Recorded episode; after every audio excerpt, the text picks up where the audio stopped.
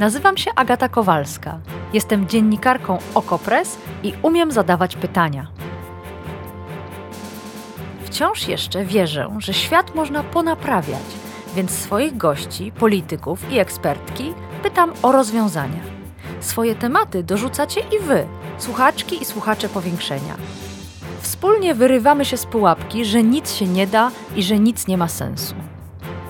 Zawsze dochodzimy do sedna. No, prawie zawsze. Zapraszam.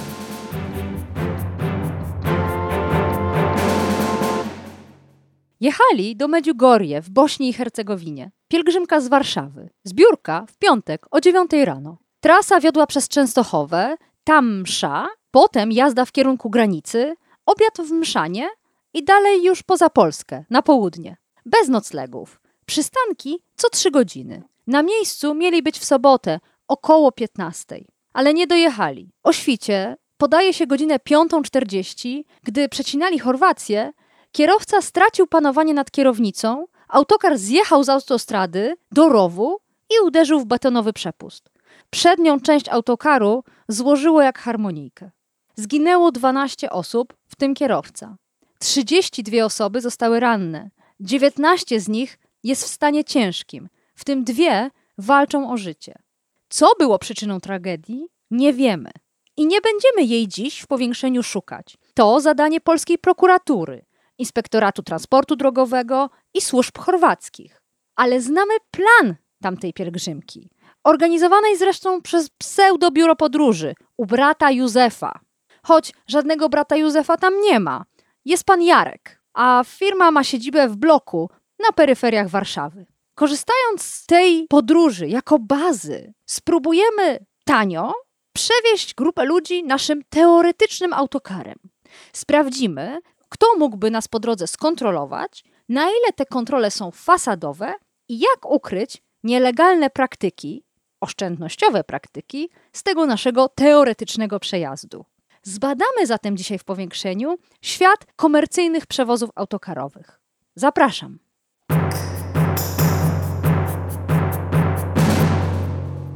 A pomoże nam w tym Piotr Chwalski, ekspert do spraw transportu publicznego, kierowca zawodowy, prowadzący popularną stronę Komunikacja Zastępcza, a w wolnym czasie prezes PKS Słupsk, dawniej prezes Kolei Dolnośląskich. Dzień dobry. Dzień dobry, witam Państwa.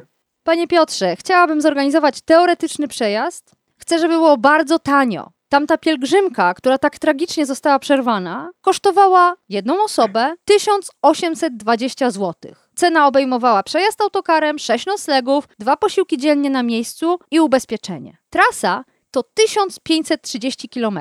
Taką przyjmiemy dla naszej dzisiejszej teoretycznej podróży. Chciałabym zacząć zatem oszczędzać. Pierwszy punkt pojazd. Czy możemy jakoś obniżyć cenę?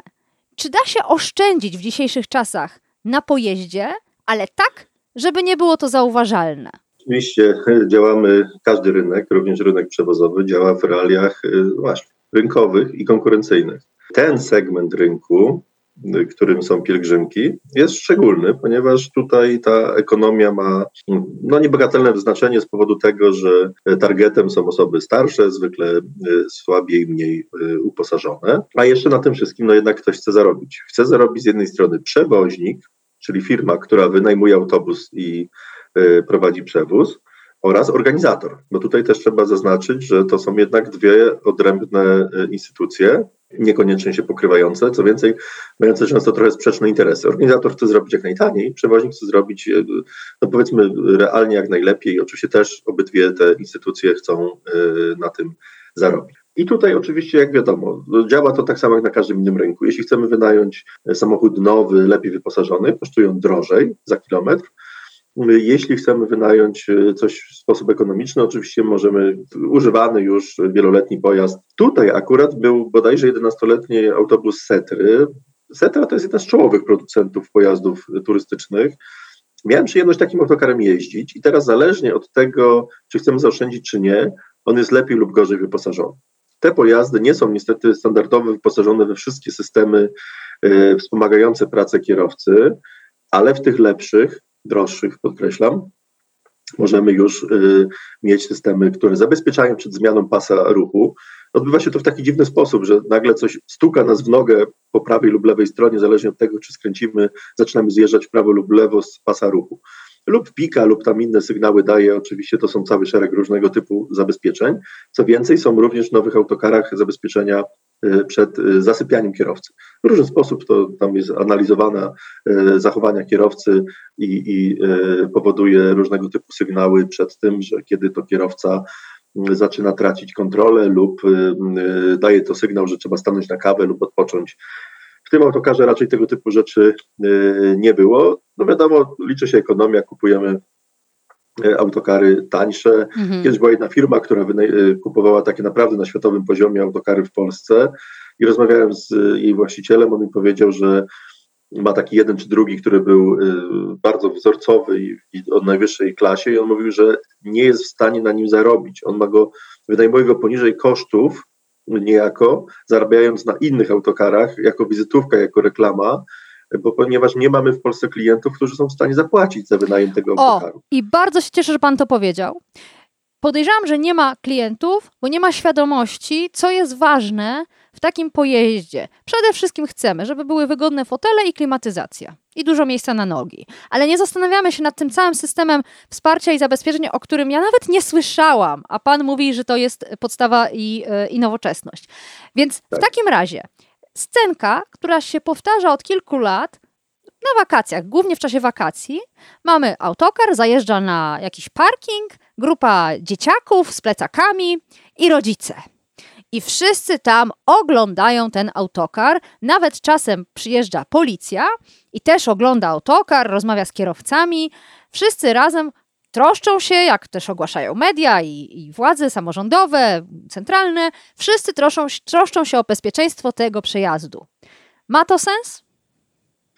E, powiem tak, no zabezpiecza z całą pewnością dobre samopoczucie rodziców. E, jeśli chodzi o e, jak gdyby pozostałe powiedzmy realne, realną poprawę tutaj bezpieczeństwa, oczywiście nie ma, ponieważ mówiąc krótko, jedyne co policjant może zbadać i być może powinien, aczkolwiek myślę, że te sytuacje się nie zdarzają i faktycznie chyba się nie zdarzają, to zbadać trzeźwość kierowcy, bo tak naprawdę w warunkach parkingu przed szkołą, czy gdzieś przed, przed jakimś internatem, czy, czy hotelem, nawet wyszkolony, że tak powiem, tutaj pracownik, czy to ITD, czyli Inspekcji Transportu Drogowego, czy, czy policjant, nie jest w stanie zweryfikować stanu zawieszenia. Może oczywiście popatrzeć, jaki jest głęboki bieżnik na oponie, Jednakże też już y, myślę, że w tych czasach mało kto będzie tutaj na tym oszczędzał lub ryzykował jazdę na tak zwanych łysych oponach. Y, może zobaczyć, czy nie ma jakichś tam wycieków, ale tu podobnie. Y, w dłuższą wycieczkę nikt by się nie wybierał autobusem z wyciekami, bo jego holowanie i naprawa mogłaby przekroczyć koszty tej, tej wycieczki, które by spadły na, na przewoźnika. W związku z czym jest to w dużej części fikcja i taka zagrywka PR-owa.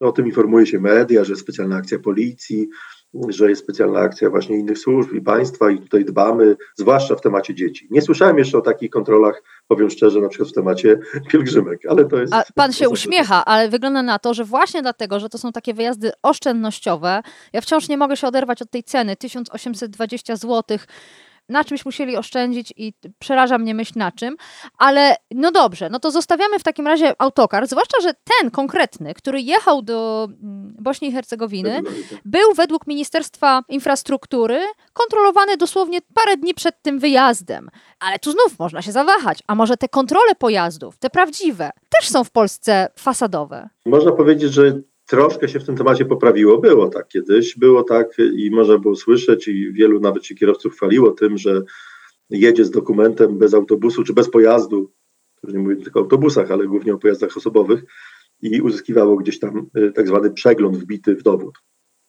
Y, to się zmieniło, ponieważ w tej chwili y, są już te przeglądy na stacjach kontroli pojazdów, zwłaszcza tak zwanych okręgowych, bo to jest ten poziom, który kontroluje autobusy są monitoringowane, jest monitoring y, z tego co wiem online, y, to wszystko jest zapisywane, rejestrowane i tego typu rzeczy już przechodzić nie powinny. Ale oczywiście do patologii dochodzi. Jest wiele stacji kontroli, można y, tutaj próbować coś tam, że tak powiem, naciągać.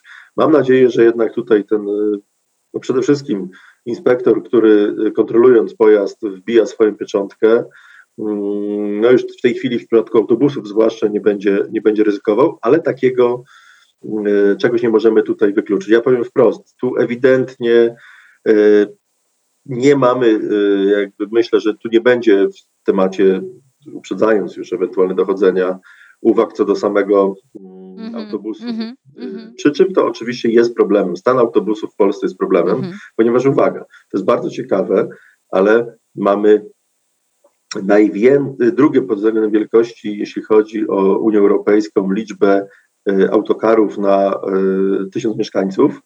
To jest ciekawe. Czyli Jak to możliwe? Dużo. Dlaczego? No właśnie. Myślę, że to są błędy dotyczące cepików, że są pewnie jakieś stare, Ach. niewycofane Och. lub liczone są, być może dziewięcioosobowe są liczone. Jest tu jakiś błąd. Powiem szczerze, nigdy nie yy, próbowałem dojść, gdzie ten błąd się pojawia, ale jest. Ale uwaga, druga dana jest niestety bardziej smutna. Mamy najstarszy tabor w Polsce. Wiekowo, średnia wieku taboru jest bodajże 18 lat. Średnia. To znaczy, że niektóre mają po 30, tak? Taki autobus y, już nie spełnia żadnych norm, nie mówiąc o stanie technicznym jego. I to jest problem mhm. olbrzymiego zróżnicowania. Mamy nowoczesny tabor w dużych miastach, autobusy klimatyzowane, elektryczne, hybrydowe, nowoczesne i bardzo stary tabor jeżdżący y, w regionach. Ale tutaj przerwę, dlatego że mam wrażenie, że nawet jeśli autobus miejski czy gminny jest w słabym stanie, to skutki tego słabego stanu technicznego można jakoś redukować, na przykład doświadczeniem czy choćby wypoczętym kierowcą.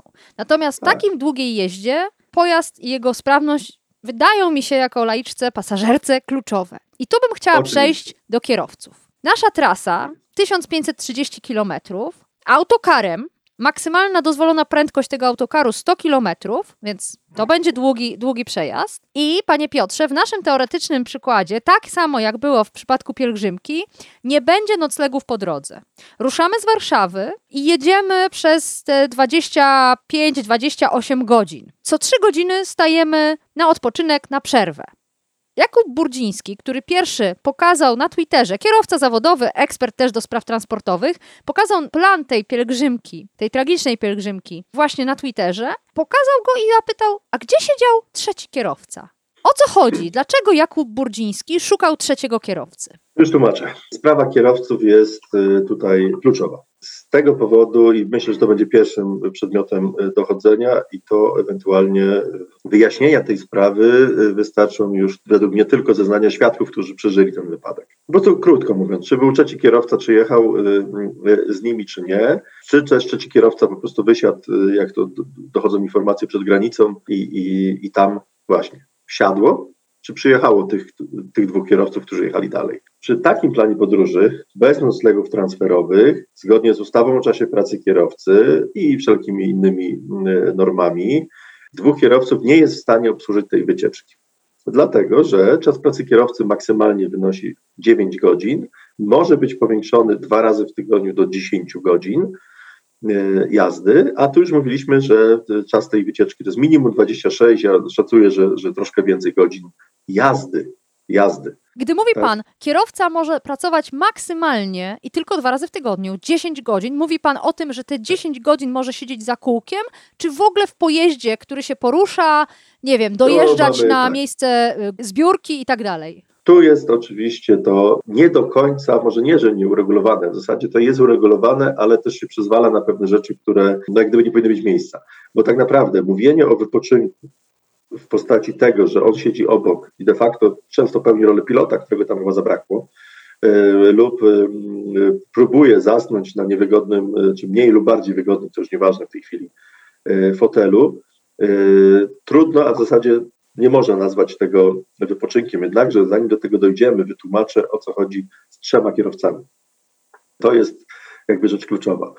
Założenie jest takie, i tutaj pamiętam niemieckich, niemieckie służby drogowe, które zawsze się dziwiły, mówiły, że największy polski ośrodek wypoczynkowy jest na granicy w Świecku, ponieważ wszyscy kierowcy, jak jeden mąż, wjeżdżający do Niemiec, są wypoczęci i zaczynają dopiero swoją pracę Świecku, czyli na granicy. A tak naprawdę o co no, chodzi? No musieli tam dojechać, mm -hmm. nie? musieli dojechać z Poznania, czy, czy, czy, czy z Warszawy, czy ze Śląska.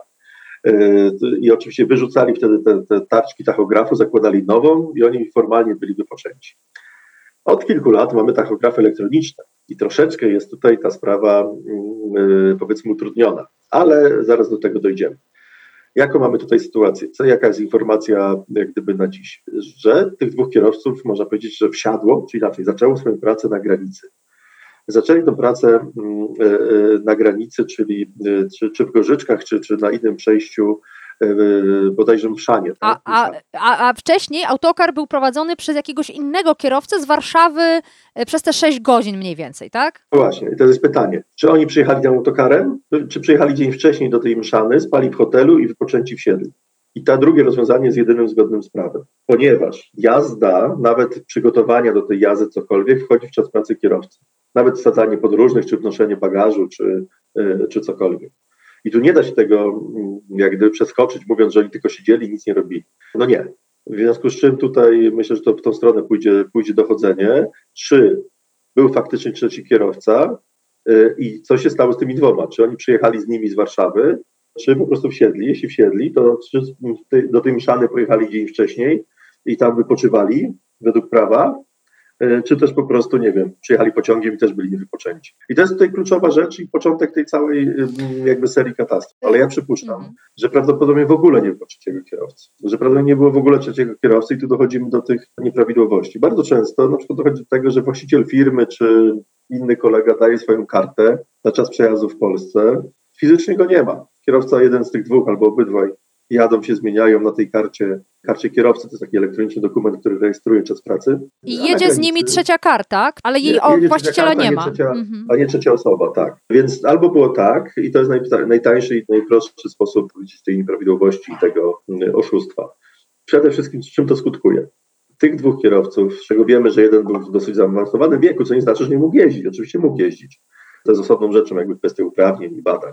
To do tego tu pewnie dojdziemy. Y, niestety, zgodnie z prawem, nie są w stanie tyle przejechać. Ja tak, pani powiedziała w założeniu od razu, że autobus jedzie maksymalnie 100 na godzinę. To powiem tak, on jedzie maksymalnie 100 na godzinę, ale przypomnijmy, że w Polsce maksymalna prędkość, uwaga, na drodze takiej jednojezdniowej, co prawda, czyli nie autostradzie, to jest 70 na godzinę. 90 maksymalnie. To, że autobus jest dopuszczony do 100 na godzinę, to nie znaczy, że może jechać 100 na godzinę. Kwestia przepisów oczywiście w innych krajach zwykle też jest ograniczenie do 90, zwykle. Nie, ja podkreśliłam to 100 kilometrów tak. po to, żeby pokazać, że ta trasa będzie trwała długo, nawet będzie. jeśli autokar w teoretycznym przejeździe jechałby cały czas tak. z tą maksymalną prędkością. Ale tak, mówił tak. Pan o manipulowaniu przy tachografach, które jest coraz trudniejsze, bo są one elektroniczne. A zwykle właśnie o nich się mówi w mediach. Zresztą zajrzałam na stronę Inspekcji Transportu Drogowego i tam też jest mowa o tym, że wykrywa się, akurat to były przejazdy towarowe, ciężarówki, magnesy, które w pojeździe ten tachograf fałszują. A pan mówi, to jest coraz trudniejsze. Czy tutaj będziemy mogli jeszcze jakiś przekręt zrobić, e, żeby ukryć fakt e, nadmiernej pracy kierowców? E, tak, oczywiście są metody. Ja nie chcę, nie chcę o tym mówić, żeby ich po prostu nie, nie popularyzować. Kiedyś było łatwiejsze, kiedy były tachografy analogowe, to było wręcz prawie że powszechne, czy gubienie, czy ta, różne, różne historie. Mm, przy tachografach elektronicznych też są sposoby, one są trudniejsze. To inaczej zapytam. Proszę nie mówić, jak to zrobić, ale czy to jest tak. wykrywalne? Jest to trudne w warunkach faktycznie drogowych. Y, w przypadku wypadku oczywiście będzie to już dużo łatwiejsze. W przypadku kontroli w trakcie jest to trudniejsze. Y, na tutaj trochę obronę powiem, większość tego typu przypadków jest jednak w ruchu towarowym, czyli w tirach gdzie to są wielo, y, przez wiele krajów, wiele godzin faktycznie ze spaniem w kabinie i tak dalej. I tutaj bardzo, no częściej te, te, tego typu nieprawidłowości dochodzi właśnie w transporcie towarów niż ludzi, aczkolwiek nie możemy tego wykluczyć, że tutaj, tutaj no, nie trzeba było tego robić, bo z samego planu podróży już widać, że y, prawdopodobnie doszło do mhm nadmiernych oszczędności. No, tak, ale zapomniałam o jednej kwestii. W niektórych autokarach są, nie wiem jak to się nazywa w waszym świecie branżowym, na pewno macie jakieś specjalne określenie, ale takie, takie takie kuwetki, takie, przepraszam, nie kuwetki. Trumny. Takie, y, takie miejsce, gdzie można się wsunąć i to jest taka, taka mała sypialenka dla kierowcy. Może w tym autokarze taka sypialenka była. Czy ona sprawia, że ten wypoczynek wymagany ustawą jest zapewniony? Gdyby była, można by uznać, że byłby ten wypoczynek zapewniony. Nadal to nie zwalnia z kwestii tych trzech kierowców. E, dlaczego to mówię? Tu ciągle trwają e, jak gdyby spory i, i, i no wielka to jest debata, e, zwłaszcza organizacji związkowych z Niemiec, które walczą o poprawę warunków pracy w transporcie. I one na zachodzie już wywalczyły, że jednak kierowca po prostu ma spać w hotelu, niech to będzie tani hotel Formuła 1 czy inne marki, które są niedrogie i skierowane dla kierowców, mm, ale jednak, żeby ten odpoczynek był prawdziwy ceną za te oszczędności są właśnie tego typu katastrofy. Mm -hmm. no, tutaj, Nie da się w takich tak. warunkach takiej trumny, bo to trzeba tak to nazwać, normalnie wypocząć. Ten autobus, z tego co wiem, bo już w tych rocznikach raczej tego nie montowano. Mm. E, wychodzą z założenia, że jest to jednak fikcja i mm -hmm. nie da się tam wypocząć. Wielu kierowców zresztą z różnych przyczyn e, nie chciało z tego korzystać, bo to jest naprawdę e, dosyć, no jedno niewygodne, można powiedzieć, że jesteśmy zdani na, na jakby tę łaskę i niełaskę, ciężko nawet jest stamtąd wyjść w razie Jako osoba z, z, trudnym przypadkiem klaustrofobii, od samego patrzenia na zdjęcia mam zawroty głowy, więc mogą sobie to Państwo tak. wyobrazić. Wspomniał Pan o wieku kierowcy. 72 lata. Legalnie może taka osoba być kierowcą samochodu osobowego, kierowcą zawodowym. Teraz wiemy już z sekcji zwłok, że był y, zdrowy, że nie był pod wpływem tak, środków y, odurzających, ale sprawność kierowcy 72-letniego i 32-letniego jest kontrolowana. Ale czy jest faktycznie kontrolowana? W jaki sposób? Jak często? No ja powiem tak. Tutaj ten system teoretycznie przynajmniej y, działa dosyć dobrze. Nie mamy sytuacji y, takich jak w przypadku kategorii A czy B, że dostajemy dożywotnie prawo jazdy i jeździmy y, tak naprawdę do śmierci. Kierowca co kilka lat musi przejść specjalne testy, psychotesty, testy lekarskie, różnego typu badania. To też jest, zaraz powiemy o tym, co też powoduje tak pewne koszty. Jednakże wielu kierowców wie, że są takie drogi i takie osoby, że po dwóch czy trzech telefonach jesteśmy w stanie załatwić sobie tego typu osobne badania lekarskie, osobne badania okulistyczne, czy tam inne, które są wymagane, czy psychologiczne. Niestety e, kilka lat temu w Białymstoku była taka sytuacja, gdzie, gdzie właśnie kierowca również sobie, że tak powiem, załatwił w ten sposób. Więc widać, że ten system także bywa, bywa nieszczelny. E, nie wiem, czy tak było w tym wypadku, bo powiem tak, że osoby 72-letnie przejść niektóre skomplikowane testy psychologiczne, psychotechniczne można je tak nazwać, gdzie trzeba naprawdę bardzo szybko reagować na pewne zdarzenia w warunkach e, też mroku lub, lub stresu, nie powinno to być łatwe. No jeśli przeszedł, ok, aleluja, dobrze, tutaj ten pan mógł jechać, ale sama pani zauważyła, że z całą pewnością możemy założyć, że o 5 rano, po 20 godzinach czy, czy kilkunastu godzinach na niewygodnym nawet foteliku, czy, czy wygodnym nawet fotelu, w pozycji siedzącej możemy być albo niedostatecznie rozbudzeni lub po prostu no, nie być w pełni formy i sprawności, by zadziałać. Ja powiem tak, jeżdżąc spotkałem się z tego typu sytuacjami jak tutaj. Gdyby nie ten przepust, skończyłoby się pewnie na uszkodzeniu autobusu i, i jakichś tam obiciach czy otarciach. Niestety mm, tu no, na moje, patrząc na drogę, idealne warunki drogowe, patrząc na, na szerokość tej drogi, budowę i profil, y, no bardzo dobre warunki. Tu ewidentnie no, wydaje mi się, że, że doszło do klasycznego po prostu, no mówię, czy zaśnięcia, czy, czy po prostu no, no jeszcze takie są, nie był pełni. Takie są komentarze, ale jak mówiłam, no nie rozstrzygajmy, nie wiemy. Jasne, wiemy, że tak, kierowca tak. stracił panowanie nad kierownicą i to jest rzecz, do której chciałem przejść, to znaczy do badania tego, co się stało. Dlatego, że główny inspektor transportu drogowego ogłosił w mediach, że będzie przeprowadzał kontrolę w tej firmie przewozowej. Ja zresztą chciałam zaprosić pana inspektora do rozmowy, ale okazuje się, że nie ma dla mediów czasu przez najbliższy E, tydzień, ale nie do końca wiadomo, czy dlatego, że jest zajęty pracą, czy raczej odpoczynkiem. W każdym razie e, dla nas czasu nie znalazł.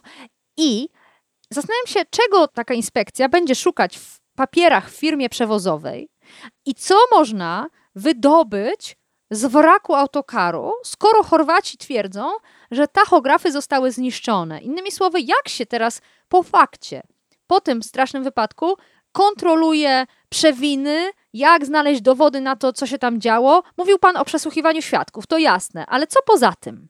Y, mamy oczywiście y, możliwość, jest to y, oczywiście trudne, ale sami korzystamy z nie wiem, nawigacji w Google. Google pobierają dane z naszych telefonów. Można wystąpić oczywiście do, do czy operatora, czy, czy nie wiem, w tej chwili tak naprawdę służby pewnie wiedzą, do kogo wystąpić o otrzymanie danych z telefonów osób, które były tam w czasie wypadku. Hmm. Z nich można mniej więcej chociażby odczytać prędkość i, i czas, mniej więcej dokładnie lokalizację w danym punkcie i dane w danym zdarzeniu. Z tych samych danych korzystają właśnie Google Maps, podając nam informacje o korkach.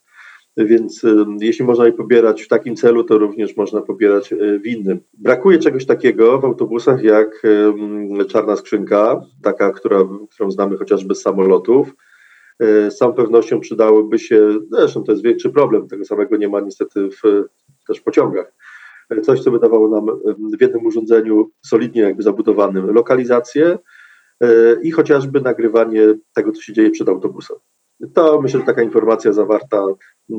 Przed autobusem? Zdziwiłam się. Myślałam, że mówi pan o kamerze skierowanej na kierowcę, żeby było widać, co na się Na kierowcę nim... również, A. ale to powiem tak, zaczynamy wchodzić tutaj w kwestie związkowe. Myślę, że tutaj wielu, wielu związkowców się oburzyło, że to jest permanencja, Jasne. jakaś mm -hmm. wigilacja mm -hmm. i tak mhm. dalej. -hmm. Jeśli nawet byśmy mieli sytuację sprzed autobusu, idealnym oczywiście byłoby również, żeby jeszcze nagrywało to dźwięk e, i e, z, właśnie z kabiny kierowcy, czyli tam z przodu od kierowcy.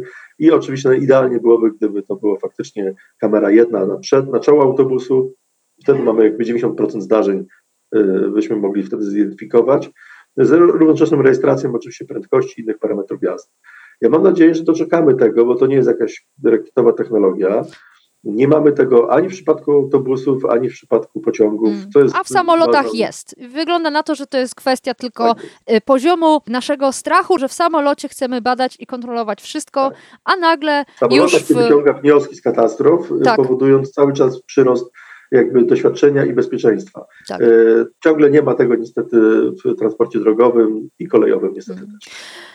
Czy ma znaczenie, że tę pielgrzymkę organizowała firma, która nie była organizacją turystyczną wedle ustawy? Była to po prostu zwykła, to było zwykłe przedsiębiorstwo. Na stronie u brata Józefa widać zdjęcie właściciela, pan Jarek, w klapkach stoi uśmiechnięty.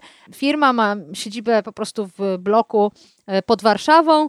I teraz w Rzeczpospolitej między innymi wypowiadają się przedstawiciele branży i mówią, tego typu firmy oszczędzają, działają w szarej strefie, nie spełniają wszystkich wymogów. Czy z Pana perspektywy to ma e, jakiekolwiek znaczenie, czy też wypadki zdarzają się i w biurach podróży profesjonalnych, które mają siedzibę w centrum Warszawy i ich właściciel się pokazuje w garniturze, czy też jednak powinniśmy tutaj zastanawiać się nad tym, nad tym elementem? Ja powiem tak, po coś ustawodawca wprowadził kiedyś e, e, właśnie taką, można powiedzieć, definicję organizatora turystyki.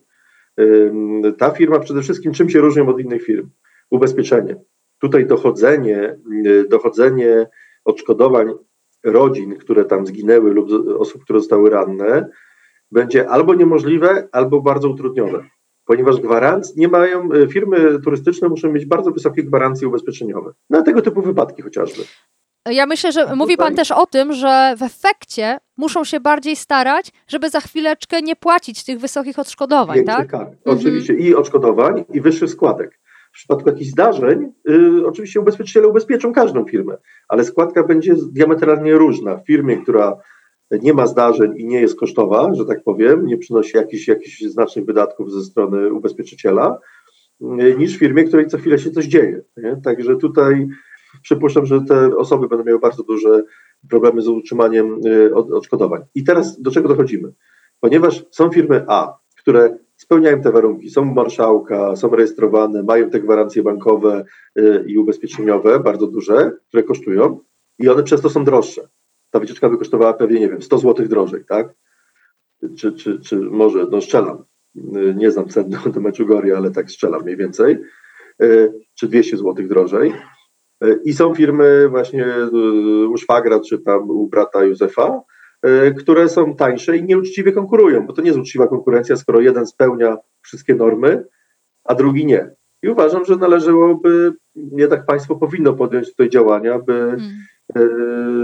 Ograniczyć tego typu firmom możliwość ono jest, ono jest. Y, przedstawiciel no mm, y, Izby mm, Turystycznej wskazywał, że ta, to przedsiębiorstwo nielegalnie organizowało pielgrzymkę, ponieważ firmy, które nie są organizacją turystyczną, mają do tego prawo, jeśli są to okazjonalne dla tak. grupy przyjaciół i bez tak. zysku y, wyjazdy, a nie po prostu, tak. jak widać. To jest zostawiony wyjątek na przykład do wycieczek szkolnych. Tam, jeśli mhm. ktoś gdzieś tam, czy szkolnych, czy tego pracowniczych, no tego typu rzeczy, które ktoś robi mhm. na biwak, nie wiem, pracowników, czy grupę jakąś mhm. wiezie, czy... No tutaj to wyraźnie nie był ten e, przypadek. Tak. E, czy jest coś, co powinno się zmienić w całym systemie kontroli? Bo jeszcze chciałam wrócić do e, inspekcji drogowej. E, jakie nowe możliwości, Pana zdaniem, kompetencje E, powinna mieć ta służba, a może wszystko jest już zapisane w przepisach i e, ona jest w stanie działać skutecznie? Możliwości ITD są bardzo duże. E, myślę, że tu problem jest z jednej strony rynku i z drugiej strony naszych no, klientów. Rynek jest taki, jacy są klienci.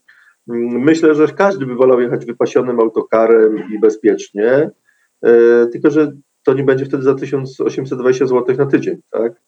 E, więc czy jesteśmy gotowi, gotowi za to zapłacić? Zawsze będzie to oczywiście jakaś jakość A i B, tylko dobrze, żeby ta B nie była poniżej, poniżej standardów. Tak jak powiedziałem, tu jest konflikt. Przewoźnik. Czyli chce, Pana zdaniem, w czasie tej tak. kontroli w firmie przewozowej, inspekcja transportu drogowego będzie w stanie wyciągnąć jakieś wnioski na temat tego konkretnego przejazdu, który się urwał w Chorwacji? Znaczy przede wszystkim to jest, jest pierwsza sprawa. Czy będą umowy, bo są poprzednie, były podobne pewnie te wycieczki, powinny być ślady w postaci chociażby, nie wiem, opłat y, zapłaconych wynagrodzeń czy umów zleceń dla kierowców. Po tym można będzie wnioskować, ilu ich tak naprawdę było, ile pracowali, tak? To chociażby jest na podstawie powiedzmy tych poprzednich, poprzednich wycieczek. Mm -hmm. Tutaj też powinny być jednak jakieś umowy. Umowa powinna być zawarta przed wyjazdem, więc powinny być umowy, że nie wiem, kierowca Iksiński jedzie do Mszany i wraca, nie wiem, pociągiem, to powinno być wszystko określone.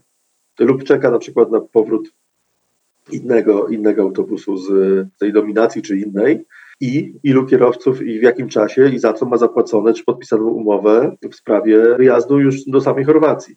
Z dokumentów idzie sporo wyczytać y, i zobaczyć pewne jakby przynajmniej tendencje lub, lub próby, y, próby manipulacji tym, tą dokumentacją. Założenie takie idealistyczne, że tam tak naprawdę od granicy do Medjugorje jest, dlatego mówiłem, że te wycieczki są trudne i wiele biur nie chce tego robić. Nie chce tego robić w ten sposób, ponieważ wychodzi od granicy polskiej równe 20 godzin, zakładając idealistycznie, że nic się nie stanie. Bo na tych noclegach właśnie, tu jest pies pogrzebany. Przy tej y, prawidłowej organizacji albo powinien być nocleg tranzy, tranzytowy dla całej grupy, Wtedy też śpią kierowcy, odpoczywają i, i, nabywają znowu tej przerwy, o której mówiłem, wynikającej z ustawy o czasie pracy kierowcy. I mogą jechać dalej, można powiedzieć, wypoczęci po prysznicu, normalnym odpoczynku, w normalnym łóżku, ale to jest drogie i to jest trudne, bo w sezonie w wszystkich tych krajach, a zwłaszcza w Chorwacji i, i, i krajach okolicznych, nie dostaniemy noclegu dla takiej grupy na jeden dzień ponieważ są to zajęte przez te, te, te destynacje, są zajęte przez w, w czasy różnego typu e, i hotele są zajęte i nie, po prostu trudno byłoby znaleźć e, hotel, który na jeden noc udostępni e, dużej grupie ludzi miejsca noclegowe, ponieważ są zajęte przez dłuższe czasy czy inne wynajmy. Osobną opcją byłoby wynajęcie mieszkania. Do, I tak to wygląda w przypadku przewozów regularnych. Przewoźnicy wynajmują mieszkanie, w którym, można powiedzieć, na zmianę odpoczywają kierowcy. Czyli kierowca jedzie, dajmy na to ten, ten, w tym wypadku z Warszawy gdzieś tam głęboko do Czech, czyli jedzie te 10 godzin czy 9 maksymalne, które ma, wysiada, idzie spać, dalej jedzie, powiedzmy, no idealnie byłoby, żeby tam wsiadało z tego mieszkania tych dwóch kierowców, po normalnej nocy, w normalnym łóżku, y, wypoczęci, wykąpani, wsiadają i jadą dopiero już wtedy, nie wiem, 18 godzin, tak, y, to niby niedużo, ale to robi istotną różnicę. 18 y, godzin po wypoczynku, czy 20 godzin po 6 godzin jazdy, czy 7 y, w, już w autobusie. To jest kluczowa, kluczowa tutaj różnica, która spowodowała prawdopodobnie o tym, co się, mhm. co się stało. No, czyli wiemy, że da na tych się. Noclegach próbuje się, tak, na tych noclegach próbuje się zaoszczędzić niestety. No prawda jest też taka, że gdyby był rynek na to, czyli duże grupy jeżdżące z Polski na południe Europy czy w różnych innych kierunkach, zatrzymujące się po drodze na taki jeden nocleg, to po prostu pojawiłaby się i oferta, tak. po prostu, tak. ale nie ma, nie ma chętnych. Dodam, dodam jeszcze jedną rzecz, bo też jakby praprzyczyną tego wszystkiego tak naprawdę jest brak kierowców. I to jest powszechny i bardzo głęboki brak kierowców. Nie ma komu prowadzić. Ja powiem tak, autobusy w Polsce prowadzili bardzo często osoby, no na przykład kiedyś to było bardzo dużo osób, byłych traktorzystów z PGR-ów, którzy zdali egzaminy na, czy podchodzą, Naprawdę? egzaminy były na miejscu, tak jest. No tak. proszę. I oni w tej chwili już przechodzą na emerytury, bo to jest już ten wiek, czy przeszli właśnie. Nie doszli następni. Cały transport, może nie publiczny, połowa publicznego miejskiego i bardzo duża część towarowego w Polsce E, była e, obsługiwana przez Ukraińców. W, momencie rozpoczęcia wojny te osoby wyjechały. Jest dramat, jest sytuacja dramatyczna, jeśli chodzi o kierowców. Ja powiem wprost, pracują wszyscy, którzy, którzy mogą, którzy mają uprawnienia. Równocześnie, proszę zwrócić uwagę, próg wejścia jest dosyć wysoki. W tej chwili kurs z egzaminami, z badaniami, żeby zostać kierowcą, to jest około 10 tysięcy złotych. To jest dużo to jest dużo i musimy, aha, no 10 tysięcy tylko zapłacić, ale to jeszcze trwa powiedzmy dwa miesiące czy trzy, w czasie których musimy też czegoś żyć. Tak? Ale ja widziałam takie ogłoszenia, że, że zatrudniający tak. zapłaci za kurs. Tak jest, zapłaci za kurs, a i tak nie ma chętnych, ponieważ e, jest jedna rzecz, to co powiedziałem, jedna rzecz zapłata za kurs, ale druga też zapłata w czasie kursu. Też trzeba z tego żyć. Też tą ofertę oczywiście, ja też tutaj e, w PKS-ie Słupskim współpracując z Urzędem Pracy robimy takie dofinansowanie i umówmy się, ludzie nie pchają się drzwiami i oknami. E, dlaczego? Ponieważ jest to praca odpowiedzialna, jest to praca trudna. Praca z ludźmi zwłaszcza jest trudna, ponieważ tam, gdzie ludzie, tam są kłopoty. I e, tutaj mamy e, z całą pewnością no, cały szereg innych aspektów, które powodują, że brakuje chętnych w ogóle do pracy na tym, e, w tym zawodzie. Kiedyś to był prestiż, kiedyś to był jakiś, powiedzmy, możliwość chociażby zobaczenia świata. Teraz świat można zobaczyć inaczej. Nie tylko przez internet, ale to też w dużej części ma, ma na to wpływ. Z drugiej strony, to też ten internet ma wpływ jaki? Bardzo dużo osób ma różnego typu wady wzroku, które eliminują z tej pracy. I to też powoduje, że e, może być tych, tych, osób, e, tych osób po prostu chętnych e, mniej. Jednakże mm, to jest, to jest przyczyna i tutaj jest z całą pewnością rola państwa, by albo zmniejszyć ten próg e, w jakiś sposób wejścia, e, obniżając koszty, nie mówię, że obniżając jakość. Mm, e, I w ten czy inny sposób próbować zachęcać, ponieważ problem staje się już bolesny nie tylko w Polsce. Ja powiem tak, wiosną tego roku, czy tak, we Francji dochodziło do sytuacji, że wojsko musiało wozić dzieci do szkół, bo nie było bo nie było kierowców. E, więc widać, że problem jest szerszy, jednakże my się wydaje, że na przykład bardzo dobrym wyjściem byłoby w tej chwili zrobienie programu skierowanego do, uwaga, ukraińskich kobiet, by to one zostały kierowczyniami w Polsce. Mm -hmm. Ponieważ y, to jest dobry zawód, można zarobić więcej niż gdziekolwiek w tych zawodach, które są dostępne dla tych, dla tych pań zwykle. Można dostosować czas pracy elastycznie, bo, bo, bo w tej chwili to przewoźnicy godzą się na wszystko, byleby mieć tych, tych pracowników. Yy, I tutaj przydałby się, a niestety dochodzimy do sytuacji, że chociażby przejście testów po polsku może być trudne. Bo dla Polaków jest czasami trudne zrozumienie tych pytań, które czasem są podchwytliwe, yy, a co dopiero, co dopiero dla gości z Ukrainy. Wydaje mi się, że taki program skierowany na przeszkolenie kilku, kilkunastu, czy nawet kilkudziesięciu, kilku tysięcy, przepraszam, pracownic byłby bardzo dobry. Ja powiem, jako zatrudniający kobiety y, w transporcie regionalnym, co nie jest częste, powiem, że jestem bardzo zadowolony. Nawet myślę, że bardzo często są lepsze niż, niż panowie za no, kierownicą. To potwierdzałyby no, statystyki wypadków w tak Polsce. Jest. Po no, prostu kobieta za kierownicą od razu jest bezpieczniej. Jest szansa, no, że dojedzie. uwagi, jeśli chodzi o tak, o są mniejsze uwagi, jeśli chodzi o obsługę podróżnych chociażby. To, to jest problem, y, który jest de facto przyczyną tego wszystkiego. Dlaczego nie ma y, kierowców? Dlaczego jeździ 72-latek? Dlatego, że musi. Ja powiem wprost, bardzo wiele osób jeździ na emeryturach właśnie, czy, czy emerytów, y, bez tego, by ten system transportu publicznego w Polsce y, się załamał. Rzadko się spotyka faktycznie, by takie osoby jechały na tak dalekie wycieczki. I to jest dla mnie, powiem szczerze, trudno do zrozumienia. Nie znam, nie znam takiej sytuacji, by nawet po 60 ktokolwiek wybierał się w tak dalekie mm. trasy, że przewoźnik daje mu autobus i, i, i y, pod opiekę ludzi. No, być może poznamy przyczyny takiego stanu rzeczy tak. po śledztwie prokuratury, po ustaleniach Inspekcji Transportu Drogowego. Będziemy mogli do tej historii po prostu wrócić. A tymczasem kończymy. Piotr Chwalski przewoził nas na trasie 1530 km. Bardzo dziękuję za to spotkanie. Dziękuję i mimo wszystko zachęcam. Y, proszę zwrócić uwagę przy tym wypadku nawet na zdjęcia. Gdyby nie fizycznie ten, ten y, y, przepust i to zniszczenie, które wynikało z uderzenia w nie, cała reszta autobusu jest nienaruszona. Konstrukcja kratownicowa nowoczesnych autobusów chroni jednak ludzi, no ale nie ochroni przed takim wprost zderzeniem z y, przepustem. Jednakże reszta autobusu, proszę zwrócić uwagę, jest zupełnie naruszona, tam co najwyżej ludzie mogli się poobijać, ale fizycznie y, y, nic im się nie stało. Także autobusy zawsze będą bezpieczniejsze od, od samochodów osobowych, a kierowca zawodowy jednak statystycznie będzie lepszy niż, niż kierowca samochodu osobowego. Ten wypadek nie powinien też przysłonić tego, te, te, tych danych i tego obrazu. Bardzo dziękuję za ten komentarz i dziękuję za całą rozmowę.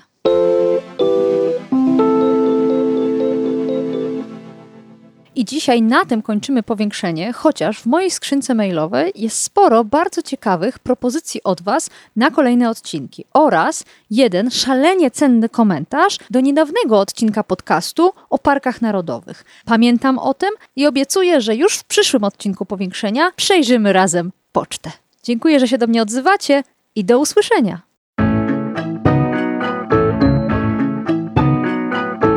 To było Powiększenie, podcast Agaty Kowalskiej. Produkcja Bartosz Weber. Powiększenie znajdziesz na stronie Okopres i w Twojej ulubionej aplikacji do podcastów. Masz pomysł na temat albo komentarz? Napisz do mnie agata.kowalska małpaoko.press. Stałych darczyńców zapraszamy na grupę Okopres na Facebooku Twoja okolica. Tam też toczymy dyskusje o świecie i o podcaście. Dziękujemy za Wasze wsparcie.